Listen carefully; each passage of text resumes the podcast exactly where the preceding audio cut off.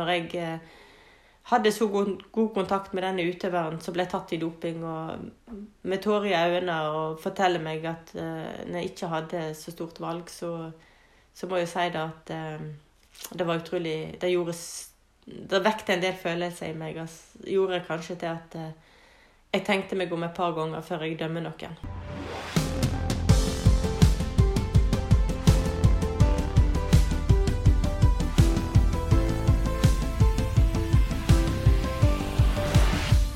I 2002 var dagens gjest 26 år. Hun hadde to år på rad blitt verdensmester i skiskyting, både på sprint, jaktstart og fellesstart. Og i de siste fire verdenscuprenna før OL så endte Liv Grete Skjelbreid på toppen av pallen. Forventningene var enorme. Og vi skal høre med henne hvilke refleksjoner hun har gjort seg etter hun ga seg som skiskytter i 2006 rundt doping og antidopingarbeidet. Vi veit jo at hun konkurrerte på en tid der mange av konkurrentene hennes brukte ulovlige midler. Bl.a. i OL for akkurat 20 år siden i Salt Lake City. Det blei et godt mesterskap med flere medaljer, selv om det ikke blei gull. Sølv på normaldistansen og i stafetten. Men det er dessverre ikke det Liv Grete og vi andre husker kanskje aller best fra Salt Lake City-OL for 20 år siden. Liv Grete Skjelbreid, tidligere skiskytterdronning med hele åtte åtte VM-gull og er jo kjent som NRKs skiskytterekspert over mange år. Velkommen til Antidopingpodden. Takk for det. Åssen er ståa hjemme i Ålandsdalen om dagen? I dag er det en eh, fantastisk dag, for det er litt hvitt ute. Og det er litt rosa himmel og litt blå himmel og glimt av eh, solo, så i dag er det en fantastisk dag. Begynner du å bli klar for et nytt vinter-OL, eller? Eh, ja, jeg kjenner jo litt på at det nærmer seg et OL nå. og Jeg er jo veldig spent på hva OL dette her kommer til å bli. Både med tanke på covid og de eh, restriksjonene som er rundt da, og hvor mange som kommer til å stå på startstreken. Ikke minst av både favoritter og trenere og støtteapparat. og så det er mye spenninger ute og går, og det blir et eh, annerledes OL. Så jeg er veldig spent. Men eh, olympiske mestere, da kommer det til å bli. Mm en helt annen inngang enn det var for 20 år siden i eh, Salt Lake City i USA. Du fikk jo da med deg to sølvmedaljer hei, men også var du jo ekstremt nærme den store gullmedaljen. Hvordan er det å bli minna på disse dagene i 2002 nå? Ja, det er jo klart at jeg ser jo tilbake igjen eh, med litt blanda følelser. fordi at eh, det var jo Jeg var jo veldig nærme tre OL-gull. Samtidig så var det en del ting som, som skjedde i det OL. Men det som jeg har valgt å gjøre, og som jeg har jobba veldig mye med meg sjøl, det er å tenke på de gode prestasjonene jeg sjøl følte jeg gjorde. Eh, og det gir en veldig god, god, følelse. Så jeg lærte jo eh, f.eks. å si at eh, Jeg hørte jo eller hvordan er det å tape OL-gullet. Men for meg så vant jeg et OL-sølv. Jeg vant to OL-sølv. Eh, så å tenke den veien i stedet for å tenke at du tapte OL-gullet, det, det gir en veldig god følelse. Og jeg var veldig veldig fornøyd med mitt eget løp, spesielt 15 km i OL i Salt Lake City. Mm. Det er jo veldig stas å ha deg med i eh, Antidopingpodden. Og her har vi et fast spørsmål til alle gjestene i starten. Og det er rett og slett at det er det første du tenker på når jeg sier ordet doping? Ja, jeg vet ikke om jeg tenker så mye. Det er mest følelser. Jeg blir eh, kvalm, jeg blir irritert, eh, jeg blir veldig usikker, og så blir jeg veldig bekymra for idretten. Eh, det irriterer meg noe grenseløst. Så kanskje det er irritasjon som faktisk jeg kjenner jeg blir veldig provosert når jeg hører ordet doping. Så eh, det er jo Det er ikke en god følelse å høre det ordet. Så det er ikke enkeltsaker eller personer, det er mer sånn følelser du har kjent på opp igjennom, som, som dukker opp? Ja, det er jo egentlig en irritasjon for at det da er et tema, og at det da faktisk eksisterer, og at noen velger å bruke det, og velger å ødelegge for andre. Eh, det er både med tanke på at eh, de som er rene, iallfall jeg sjøl, da, når folk har blitt tatt i doping, så har jeg gjerne klart å lage meg sjøl en skyldfølelse fordi jeg har gått rundt og lurt og tenkt og kanskje eh, spekulert i om noen kan ha brukt ulovlige midler fordi at du ikke forstår resultatlista. Og dermed så føler du jo sjøl at du er veldig stygg så mistenker andre om doping når du ikke veit, du har ikke noe bevis for det. Eh, og da, er, da, må du bare jobbe med deg sjøl for å forskyve som idrettsutøver. Men det er grådig frustrerende og irriterende. For i, min, I mitt hode så er dette Idretten skal være en friplass. Det skal være en ting som er trygt og godt å være. Og det skal være noe som er positivt, og som kan knytte på tvers av landegrensene til en kamp utenom dette her politiske greiene som finnes i verden ellers. Mm. Dette skal vi komme mer inn på, men først må vi skru tida litt tilbake igjen til OL i 2002 i Salt Lake City. Dopingskandalene kom jo tett da i høgda i, i Utah. Sju utøvere ble dopingtatt. og Underveis i lekene så var det jo bl.a. Johan Myrleg, da, som veldig mange husker. Larisa Lasutina og Olga Danilova, langrennsløpere, som ble tatt for EPO. Og Myrleg ble jo tatt for NESP, da, som det het andregenerasjonspreparat av EPO, eh, såkalla. Og det var første gangen at eh, dopingkontrollørene klarte å påvise NESP. Og Myrleg var jo første utøveren som ble tatt for EPO i et OL. Hva husker du fra, fra, disse, fra dette saken her og det som skjedde i Salt Lake? Nei, jeg, jeg, husker at jeg sto ute i løypa når uh, Myrleg gikk den fellesstarten. Uh, og jeg sto bare og måpte. Jeg tror, ikke, jeg tror ikke jeg fikk fram et eneste ord. Fordi at det, det, var jo Det var umenneskelig å stå og se på det han gjorde, eh, og de utøverne som ble ramma av det tempoet han setter opp, og der han liksom bare går og vinker til publikum. Det, som, som idrettsutøver sjøl, og hvordan jeg vet hva det koster å gå et skirenn, så for meg var det Det var uten tvil med øynene. Så det var jo egentlig lå jo i kortet at vi diskuterte jo at vi måtte jo Det kunne ikke være normalt, og at vi håpte at, eh, at han ble tatt. Mm. Og da ble han jo. Og det var jo en lettelse for alle, egentlig. Mm. Ja, han blei jo da heldigvis, kan en vel si, tatt under mesterskapet. Eh, så han mista jo eh, siste feiringa der, sjøl om han tok flere gull. Det var kanskje viktig for utøverne? Ja, jeg tror det var kjempeviktig. Og det var veldig viktig at det, det var et stort framskritt at uh, en så stor utøver ble tatt i et mesterskap, og ikke mange år etterpå. Så uh, det tror jeg var en lettelse for mange. Og så ble det jo selvfølgelig litt sånn um, Hvem flere er det her de kan ta nå? Liksom, det, ble, det, tok jo vekk fokuset litt av det fine som skal være med OL, da. Syns jeg. Mm. Mm. Så det ble jo Det ble jo litt, litt glede, samtidig så en var jo En ble jo fryktelig skuffa og irritert over at noen kunne, kunne jukse på den måten. da. For dette, Det var jo et kjempe-OL for den norske troppen med, med Bjørndalen som vant rubbel og bit i, i skiskyting. og Thomas Alsgaard spurta ned Sorsi på langrennsstafetten. Bente Skari tok sitt første OL-gull. Kjetil Andreo tok to gull. Men allikevel så er det veldig mange som husker Myrleg. Det er han som dukker opp når en tenker på Salt Lake, da, for mange. Jeg, jeg, tenker jo litt annerledes, for jeg sto jo òg ute og så når Bente vant sitt OL-gull.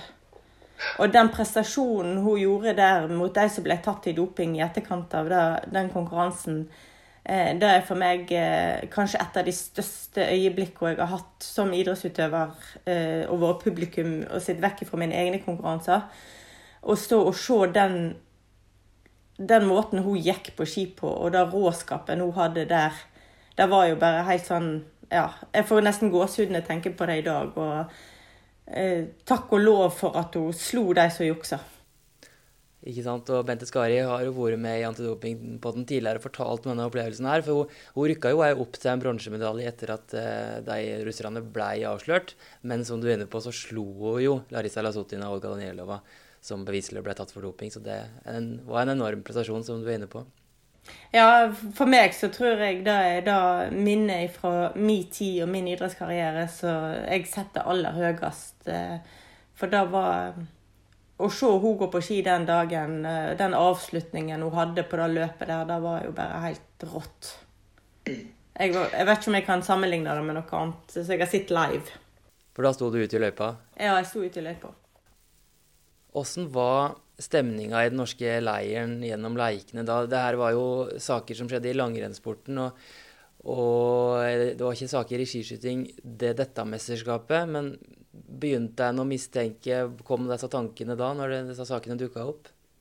Ja, det, det, er jo helt klart at de, de kom. Og jeg sjøl var var jo i god form og en rask skiløper, og du, du så jo en del eh, suspekte resultat. Eh, på, spesielt på langrennstider, der du liksom lurte hvor kommer de for, hva gjør de for å heve seg så ekstremt mye til et mesterskap, eh, kontra da de bruker å prestere i en verdenscup. Så det er klart at når noen ble tatt sånn, så ble jo spekulasjonene og kanskje mistenksomheten mye større hos oss andre òg, da. Samtidig så stilte du deg jo spørsmålet er det meg det er noe i veien med. Det er jo ingen som blir tatt. Hva er det, så, hva er det som skjer i vår idrett, liksom? Skal vi tro at vi er rene alle sammen, og så er det kun i langrenn de, de jukser? Jeg er jo ikke så naiv, tror jeg, at jeg tror at det stemmer. Jeg tror kanskje det var litt tilfeldig, og det var kanskje litt mer gjennomlysende i langrenn at uh, det var de som ble tatt. Mm så veit vi jo at flere av dine konkurrenter på den tida seinere ble avslørt for dopingbruk, selv om ingen ble tatt i Salt Lake City. Ja, det er, jo, det er jo flere der som har uh, eh, testa positivt i etterkant. Og det er jo Ja, det er jo egentlig Jeg kjenner bare Det er veldig trist. Jeg, jeg syns det er Jeg blir lei meg, rett og slett, med tanken på at det, det skal være sånn. Hvordan er, var kontakten mellom de forskjellige idrettene i et sånt OL eh, i norske troppen med langrenn og skiskyting når sånne saker skjer? Eh, det blir jo litt dårligere kommunikasjon, vil jeg si. Iallfall eh, for meg ble det egentlig det. Fordi at du du føler en utrygghet. Du veit liksom ikke hvem du kan stole på, og hvem du ikke kan stole på. Når vi var i verdenscupen og ting var mer normalisert, på en måte, så har du en fin dialog og du har det veldig gøy i lag, og kontakten er egentlig ganske god uh, Og det er klart at noen utøvere så hadde du jo den kontakten med, selv om du kanskje hadde mistanke, uh, fordi at du tidligere kjente de godt. Så du blir jo en liten familie som reiser rundt og bor i lag, og du er på trening hele tida sammen. Så du sier hei, god morgen, ha det, ha en fin dag. og fokusere på de er jo trening, og så er du ferdig å trene, og så treffer, på, treffer du på de etter trening der du går f.eks. mot en garderobe eller på vei ned igjen, så slår du jo alltid av en prat. Eh, og det gjør jo til at du opprettholder et, Eller det blir jo et, en type vennskap eh, mellom konkurrentene òg, da. Og derfor så blir du jo kanskje ekstra skuffa eh, når de du føler liksom er akkurat sånn som deg sjøl. De er greie, de mener alt vel, de snakker som om du kan ikke se på dem at de har dårlig samvittighet eller noe sånt. Og da, eh, når du da får eh, en beskjed om at de er tatt i doping, så er det klart at du blir ekstremt skuffa over dem. Ja, det er jo ikke bare én gang du har fått en telefon fra, fra norsk media der de forteller at en av dine tidligere konkurrenter har blitt tatt for doping, og, og spør etter dine tanker rundt det. Nei, det er jo, det er jo klart at jeg, jeg syns jo jeg synes jo, Nå har det jo vært oppe møte med, med Russland og alt, og jeg syns jo Jeg kunne ønske at en hadde fått et klart svar på hva valg disse her utøverne har. Om, om de gjør det frivillig, eller om dette er noe de eh, blir påtvinga, eller at systemet er et For jeg vet jo at det er jo helt andre systemer, en helt annen frihet i andre land eh, enn det vi i Norge har.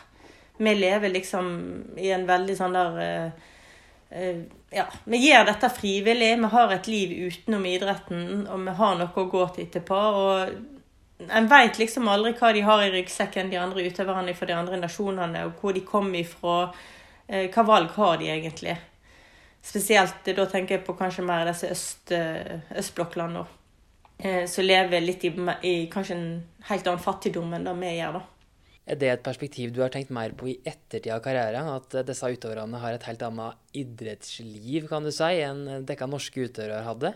Ja, de har jo hatt det, og de har en helt annen mentalitet når de vokser opp. Og de blir ikke kanskje lært opp til å være så ærlige som vi blir da. Det, det vi har lært ifra vi var kanskje klart å gå, at det var knallhardt arbeid som skulle til for å bli god, og kontinuitet i ting, så, så ser du faktisk at eh, de trener gjerne halvparten av det du trener, og så er de like gode. Sånn, så stiller du deg jo en del spørsmål rundt det og lurer på hvor de kommer ifra. Så, og de svarene er veldig vanskelig å få, fordi at både pga. språket, men òg pga. så har jeg opplevd eh, med andre utøvere at det, eh, det er veldig sånn taushetsbelagt. Det er en del ting de ikke kan og ikke har lov, og ikke, ikke kan uttrykke seg om.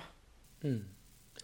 Skiskyttersporten har jo klart kunststykket med å få opp eh, så mange nasjoner som presterer i verdenscupen. Jeg har stafettlag, og enkelte hevder seg ganske bra i toppen òg.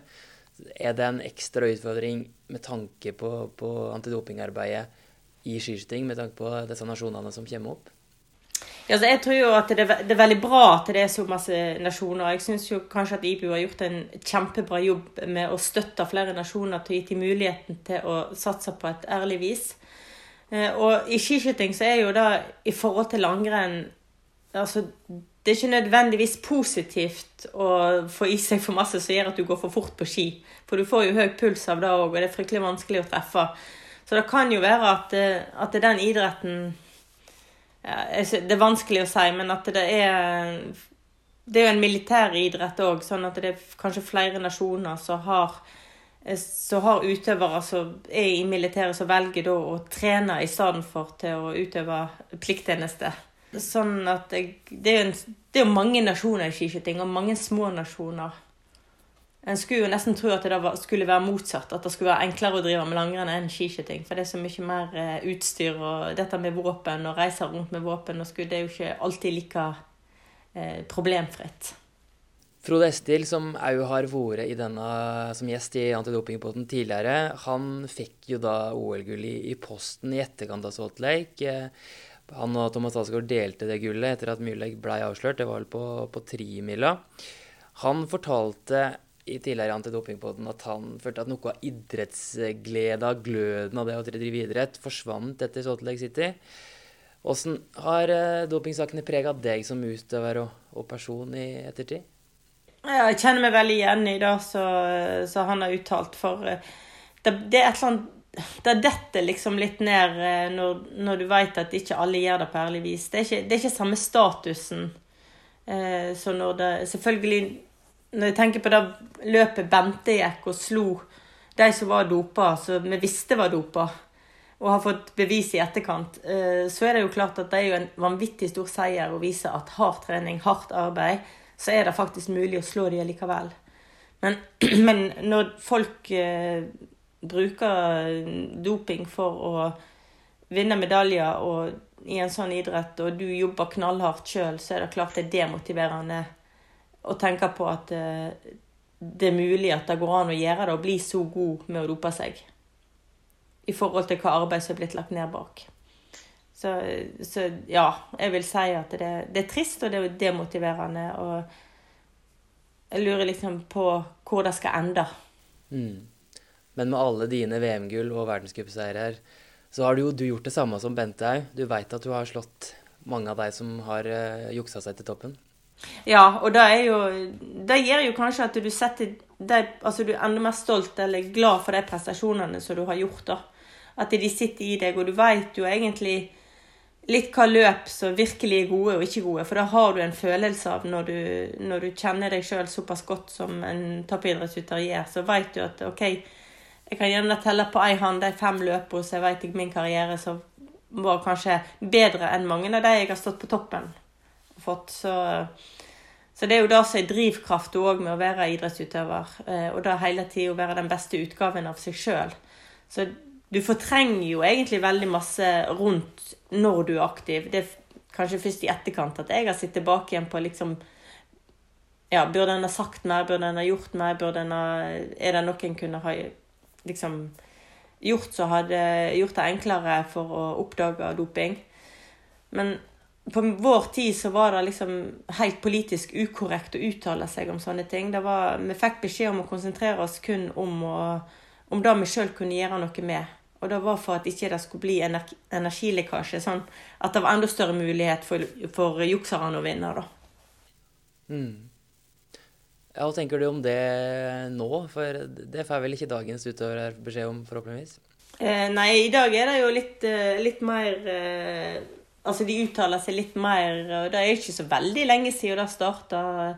Iallfall sånn som jeg husker, så er det jo Forkad som egentlig har gått i bresjen og skreket høyest. Men jeg tror at noe av grunnen til at ikke det har blitt gjort før, og at uh, noen vegrer seg mot å gjøre det, det er fordi at uh, en vet sjøl at hvis du mistenker noen for doping som ikke er dopa, så det er en forferdelig følelse for en utøver. Eh, og derfor så tror jeg at det å ta feil og tenke sånn, det gjør at du, du vegrer deg mot å, mot å gå ut og anklage noen for at de har gjort noe ulovlig, før du har beviset for det. Eh, selv om, selv om det kan være synlig, på en måte, så er du jo usikker på om du tar feil eller ikke. Mm. Så i antidopingarbeidet på den tida Eh, utøverne blei på en måte ikke hørt, eller skulle ikke bli hørt? Nei, det var egentlig ikke Det var ikke et tema engang. Det var, det var full På en måte Det var ikke vår jobb å gjøre, og vi fikk, vi fikk beskjed om å, å, fokusere på kun trening og det som vi kunne gjøre i konkurransen, da. Så det Martin Fourcade, som det er ikke så lenge siden han la opp, men uh, var Frankrikes store skiskytterstjerne i, i, mange år, er det han som uh, har en del av æra for at det, har snudd? ja, jeg syns jo kanskje da, ut ifra det jeg veit i hvert fall, så, så syns jeg han var, var, veldig tøff i uttalelsene sine og gikk knallhardt ut mot doping. Og ville ha vekk de som dopa seg. Eh, og i etterkant så har en jo sett at det er jo flere f.eks. bøgutter har hengt seg litt på, men det, stopper liksom litt. Det er ikke sånn at det blir eh, det et stort tema. Og da kan jo jeg som utøver tidligere forstå at de har ikke anledning til å fokusere for mye på de negative tingene. Hvis du skal lykkes i et mesterskap eller lykkes i verdenscupen totalt, så, så, må du være til stede i ditt eget liv. Og da, og da må du passe på alle de tingene som kan påvirke resultatet ditt. Og da å fokusere på om en utøver fra et annet land er dopa eller ikke, da kan være veldig eh, stor energilekkasje. Og da tror jeg ikke noen av de norske utøverne spesielt er interessert i å miste energien på det, for de får ikke gjort noe med det før de blir tatt uansett. Nei, og de norske utøverne har jo fått litt kritikk eh, opp igjennom da, for at de ikke tar et tydelig standpunkt i, i, media. og Det var vel diskusjon rundt eh, deltakelse i, eh, i Tumen i, i verdenscupen i, i, Russland for en del år siden, der andre utøvere gikk hardere ut. Det har vi jo snakka litt med Tarjei Bø i podkasten tidligere, så det har kanskje skjedd litt blant de norske òg. Ja, jeg tror jo at det er mer, det er mer åpenhet. Jeg føler liksom i, i alle ting nå så, så så har, eh, så har eh, utøverne Det var jo på, på slutten av min tid, så de siste åra der, så ble det jo danna en utøverkomité. Og da tror jeg har vært en veldig fin ting, for der har det kunnet blitt tatt opp ting der utøverne har gått samla om å ta opp ting og fokusere på ting, som gjør at du har andre i ryggen òg. Du står ikke alene om å gjøre det. Den, eh, den utøverkomiteen, sånn som jeg opplevde det, den gangen jeg var aktiv, så drev de mer på Det handla mer om, eh, eh, om det sportslige. Mens eh, på disse åra her så har det utvikla seg mer eh, til litt mer politisk, og, og, at de følger litt mer med på hva, hva toppene driver med, egentlig. Så det er jo kjempepositivt at det har skjedd den utviklinga der. Ja, og som du var inne på, så, så skrev jeg jo din tidligere ektemann Rafael Poiré i sin sjølbiografi at det var politisk ukorrekt korrekt å snakke om doping. At han skulle ikke gjøre det. Så det var ikke bare i Norge det, det var sånn. Det, det, det følte han òg på i Frankrike. Ja, idretten skulle ikke ha noe politisk eh, synspunkt, for det skulle være liksom et friområde, på en måte, ifra politikk. Det skulle være det skulle være en glede for alle nasjonene. Og, egentlig, og derfor er det jo så tragisk at det finnes doping òg, fordi at eh, det er jo egentlig eh, Idrett skal jo være positivt og det skal være gøy, med, men så har det jo blitt så ekstremt mye penger inn i idretten òg, så jeg tror jeg er med på at det, eh, det blir mer politisk. Opplevde du noen gang å bli mistenkeliggjort? Nei, jeg har i hvert fall aldri merka at jeg har blitt eh, mistenkeliggjort. Eh, for meg så hadde jo det vært fryktelig Jeg hadde blitt veldig lei meg hvis jeg hadde blitt mistenkeliggjort. Eh, så jeg eh, Det er ingen som har eh, Ikke så jeg har merka, i hvert fall, så har jeg vært mistenkeliggjort. For dine Fortell litt om dine tanker rundt rein idrett, og hvor viktig det var for deg å, å stå for det, og, og viktig det var for deg å ha et antidopingarbeid i idretten. Jeg tørde jo ikke ta en Paracet engang før jeg skulle gå en konkurranse, for jeg var jo livredd for at den skulle hjelpe meg til å bli litt bedre enn da jeg egentlig var. Så for meg så, så var viktigheten med god samvittighet for meg sjøl å vite at jeg vant på. Jeg syns jo òg Jeg syns jo òg at jeg Selvfølgelig glad i å ha gode ski, men jeg ble jo òg litt sånn ja, Det ble sånn bismak hvis jeg vant fordi jeg hadde mye bedre ski, eller fordi jeg ja, var andre grunner hadde bedre føre eller sånt. Jeg, jeg, var veldig der at jeg hadde lyst til å konkurrere på like premisser. Jeg hadde definitivt lyst til å være best på like premisser. Så Eh, så det var liksom en sånn drivkraft i meg da, at jeg håpet at eh, alle skulle ha så like forhold og muligheter på startstreken, og så skulle den beste stå på toppen. Og de gangene jeg opplever at jeg har gjort de gode løpene, enten det har vært smårenn eller store renn, men der jeg har følt at eh, kanskje Kanskje ikke skiene mine har vært helt suverene, men jeg har likevel vunnet og likevel gjort en god prestasjon med, da, med, med, min, med min, kropp, holdt jeg på å si, så, og mitt hode. Så er det jo det som henger desidert høyest, og det er jo det jeg kjenner igjen på kroppen i dag. Det er de løpene som sitter i meg, som er optimale. Og da henger det jo rett inn i den aktuelle diskusjonen rundt fluor og de nye reglene både i skiskyting og langrenn som, eh, som har vært mye snakk om nå. Ja, og er jo, det er jo eh, veldig spennende nå med tanke på OL. Selv om det er jo kanskje ikke alle føre så akkurat den fluoren har den effekten at han er så mye bedre enn de andre som de går på nå. Men så er det enkelte føre der han er helt suveren på.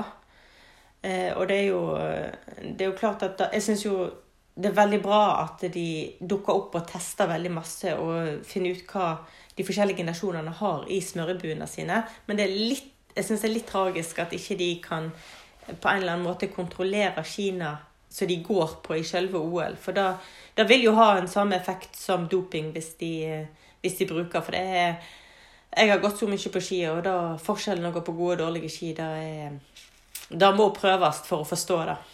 Mm. Nå i OL i Beijing så skal du være skiskytterekspert eh, som jeg har sett deg så mange ganger i de siste ja, ikke helt 20 år kanskje, siden du la opp. Eh, nei, siden Salt Lake, men du har iallfall vært mye for, på, eh, på arenaen som ekspert da, etter karrieren din. Og tenker du om utviklinga etter at du la opp i, med tanke på antidopingarbeid i skiskyting? Jeg er jo skapt sånn at jeg velger jo å tro at eh, det er mye bedre test, eh, tester i dag enn det var den gangen. Eh, og da at det har blitt større åpenhet, tror jeg gjør at kanskje flere kan vegre seg litt med å bli tatt. Så jeg håper jo at idretten er renere i dag enn den var i 2002 i Salt Lake City. Og da det, det, kan se sånn ut. Nå det jo, gjenstår det jo å se hva som skjer i OL, da. Men det er jo, det er jo i hvert fall eh, mitt utgangspunkt at eh, jeg tror at antidoping gjør en god jobb, og at de prøver. Og så kan det helt sikkert bli enda bedre. IBU er jo et av forbundene som har skilt eh, antidopingarbeidet fra organisasjonen. At det, det, er Biathlon Integrity Unit som, som har det arbeidet i, i skiskyting nå. og Det kan vel være en stor fordel? Ja, altså jeg har jo et inntrykk av at de gjør en god jobb der. Eh, men det jo, har jo skapt en del usikkerhet det siste året, og det som har kommet opp der òg, eh, som gjør at du lurer litt på om du har hatt for god tiltro til det, og at systemet ikke er så bra som det kan se ut. Men, eh, men jeg syns jo på resultatlisten så, så, er det ikke sånn som for 20 år siden, der du plutselig hadde utøvere som gikk tre minutter fortere enn seg sjøl. Jeg har ikke sett det de siste åra, da. Eh, så de store gapene der eh, føler jeg kanskje er Det er mindre synlig, i hvert fall. Men om det er mindre doping, da vet jeg ikke.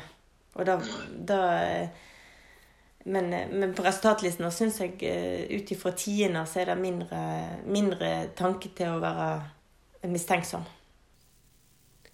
Men du har jo, som jeg har vært inne på, blitt spurt av media da, som ekspert, skiskytterekspert, eh, når nye saker har dukka opp, da, nye dopingsaker, i sporten du er jo så glad i. Eh, og kan, du kan vel eh, regne med å få sånne spørsmål igjen. Hvilke tanker er det som går gjennom deg når du får disse spørsmåla gang på gang?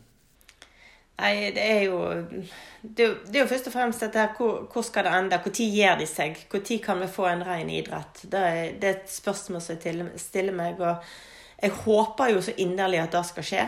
At uh, selv om jeg er jo Jeg er jo dessverre bygd sånn at uh, jeg tror det er langt fram i tid før, uh, før det skjer. Fordi at det er folk som jobber systematisk med å finne ut og ligge i forkant. Men den dagen jeg hadde vært sikker på at idretten var helt ren, da, da hadde jeg anbefalt alle å drive med toppidrett. For det er så gøy. Men det klarer du ikke helt ennå? Å anbefale alle? Jo da. Jeg anbefaler jo å drive med toppidrett. Men jeg syns jo, jo, det er en bismak når, når det er doping.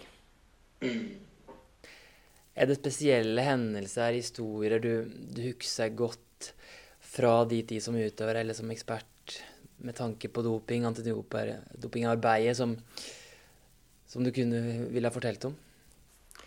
Jeg, jeg, jeg, husker jo en utøver som kom til meg og ba om unnskyldning og sa I, I had no choice. Eh, og det er jo et inntrykk som har gjort på meg eh, Så jeg har tenkt etter og gjort at jeg har sjøl reflektert at er det, er det utøverne vi skal bli forbanna på, eller er det systemet vi skal bli forbanna på? Når jeg eh, hadde så god, god, kontakt med denne utøveren som ble tatt i doping, og med tårer i øynene og forteller meg at uh, når jeg ikke hadde så stort valg, så, så må jeg si det at uh, det var utrolig Det gjorde Det vekte en del følelser i meg. Altså, gjorde kanskje til at uh, jeg tenkte meg om et par ganger før jeg dømmer noen. Mm. Ja, det endra tankegangen litt? Ja, det gjorde egentlig det. Det, det endra veldig tankegangen. Og hva, men det skapte jo òg en usikkerhet for hva du skal tenke. sant? Jeg tror vi må være så uh, Gå såpass mye i oss sjøl at her i Norge, så de, hvis en nordmann bruker doping, så, så vet en at det da er sjølforskyldt. Da har du hatt et valg. Da har du valgt å gjøre det. Eh, og da mener jeg at da er det bare ut på livstid. Eller i hvert fall mange, mange år til du får en sjanse til å få ta ei god straff. Mm. Men jeg syns jo fryktelig synd på de utøverne som kanskje er i et system der de uh, har ingenting å gå til, kanskje, og ikke, ikke veit bedre, eller blir pressa til å gjøre det. da. Fordi at uh, de lever under et helt annet samfunn enn det vi gjør. Veldig gode tanker og refleksjoner, Liv Grete. Det har vært veldig fint å hadde jeg med i Antidopingpodden som gjest fra eh, Hålandsdalen. Vi skulle jo gjerne møtt deg fysisk òg, men uh, slik er det jo ikke så lett i 2022. Nei, det er ikke det nå. Det er dessverre blitt sånn. men vi ønsker deg eh, masse lykke til i, som ekspert i under OL i Beijing. Åssen er det med Får jeg høre deg da? NRK skal jo ikke sende OL sjøl, men eh, på radio kanskje? Ja, radioen må følge med på. Der eh, Ola og Andreas Strabrunsnitt de eh, er på plass i Beijing og skal kommentere selve løpet derifra på radioen. Og jeg skal være med litt i forkant av sendingene. Det blir veldig bra. Vi satser på, på norske gull. Du har, har vel trua på det? Jeg har veldig stor tro på at det kommer til å bli eh, masse medaljer til Norge i skiskyting, i hvert fall. For det er den jeg føler tettest. Jeg har mest forutsetninger for si. Men jeg syns eh, både på herresida og nå eh, har, er det jo en, et løp i dag så er siste, siste 20 km før OL. Og der har jeg store forventninger til at de skal få en god følelse pga. den oppladninga de har hatt i forkant av dette denne verdenscupen her. Så jeg tror at de norske kommer til å være i god form i OL, og da vet vi at eh, de kjemper i toppen. Tusen takk, eh, Liv Grete, og lykke til med jobben eh, for rundt OL i Beijing om ikke altfor lenge. Ja, takk skal du ha. Og hvis du vil høre episodene med utøverne som Liv Grete og jeg var innom i podkasten i dag, Tarjei Bø, Bente Skari og Frode Estil, så er det bare å søke episodene opp i din podkast-app. Programleder har som vanlig vært Gjermund Erikstein Midtbø her i Antidopingpodden. Takk for følget.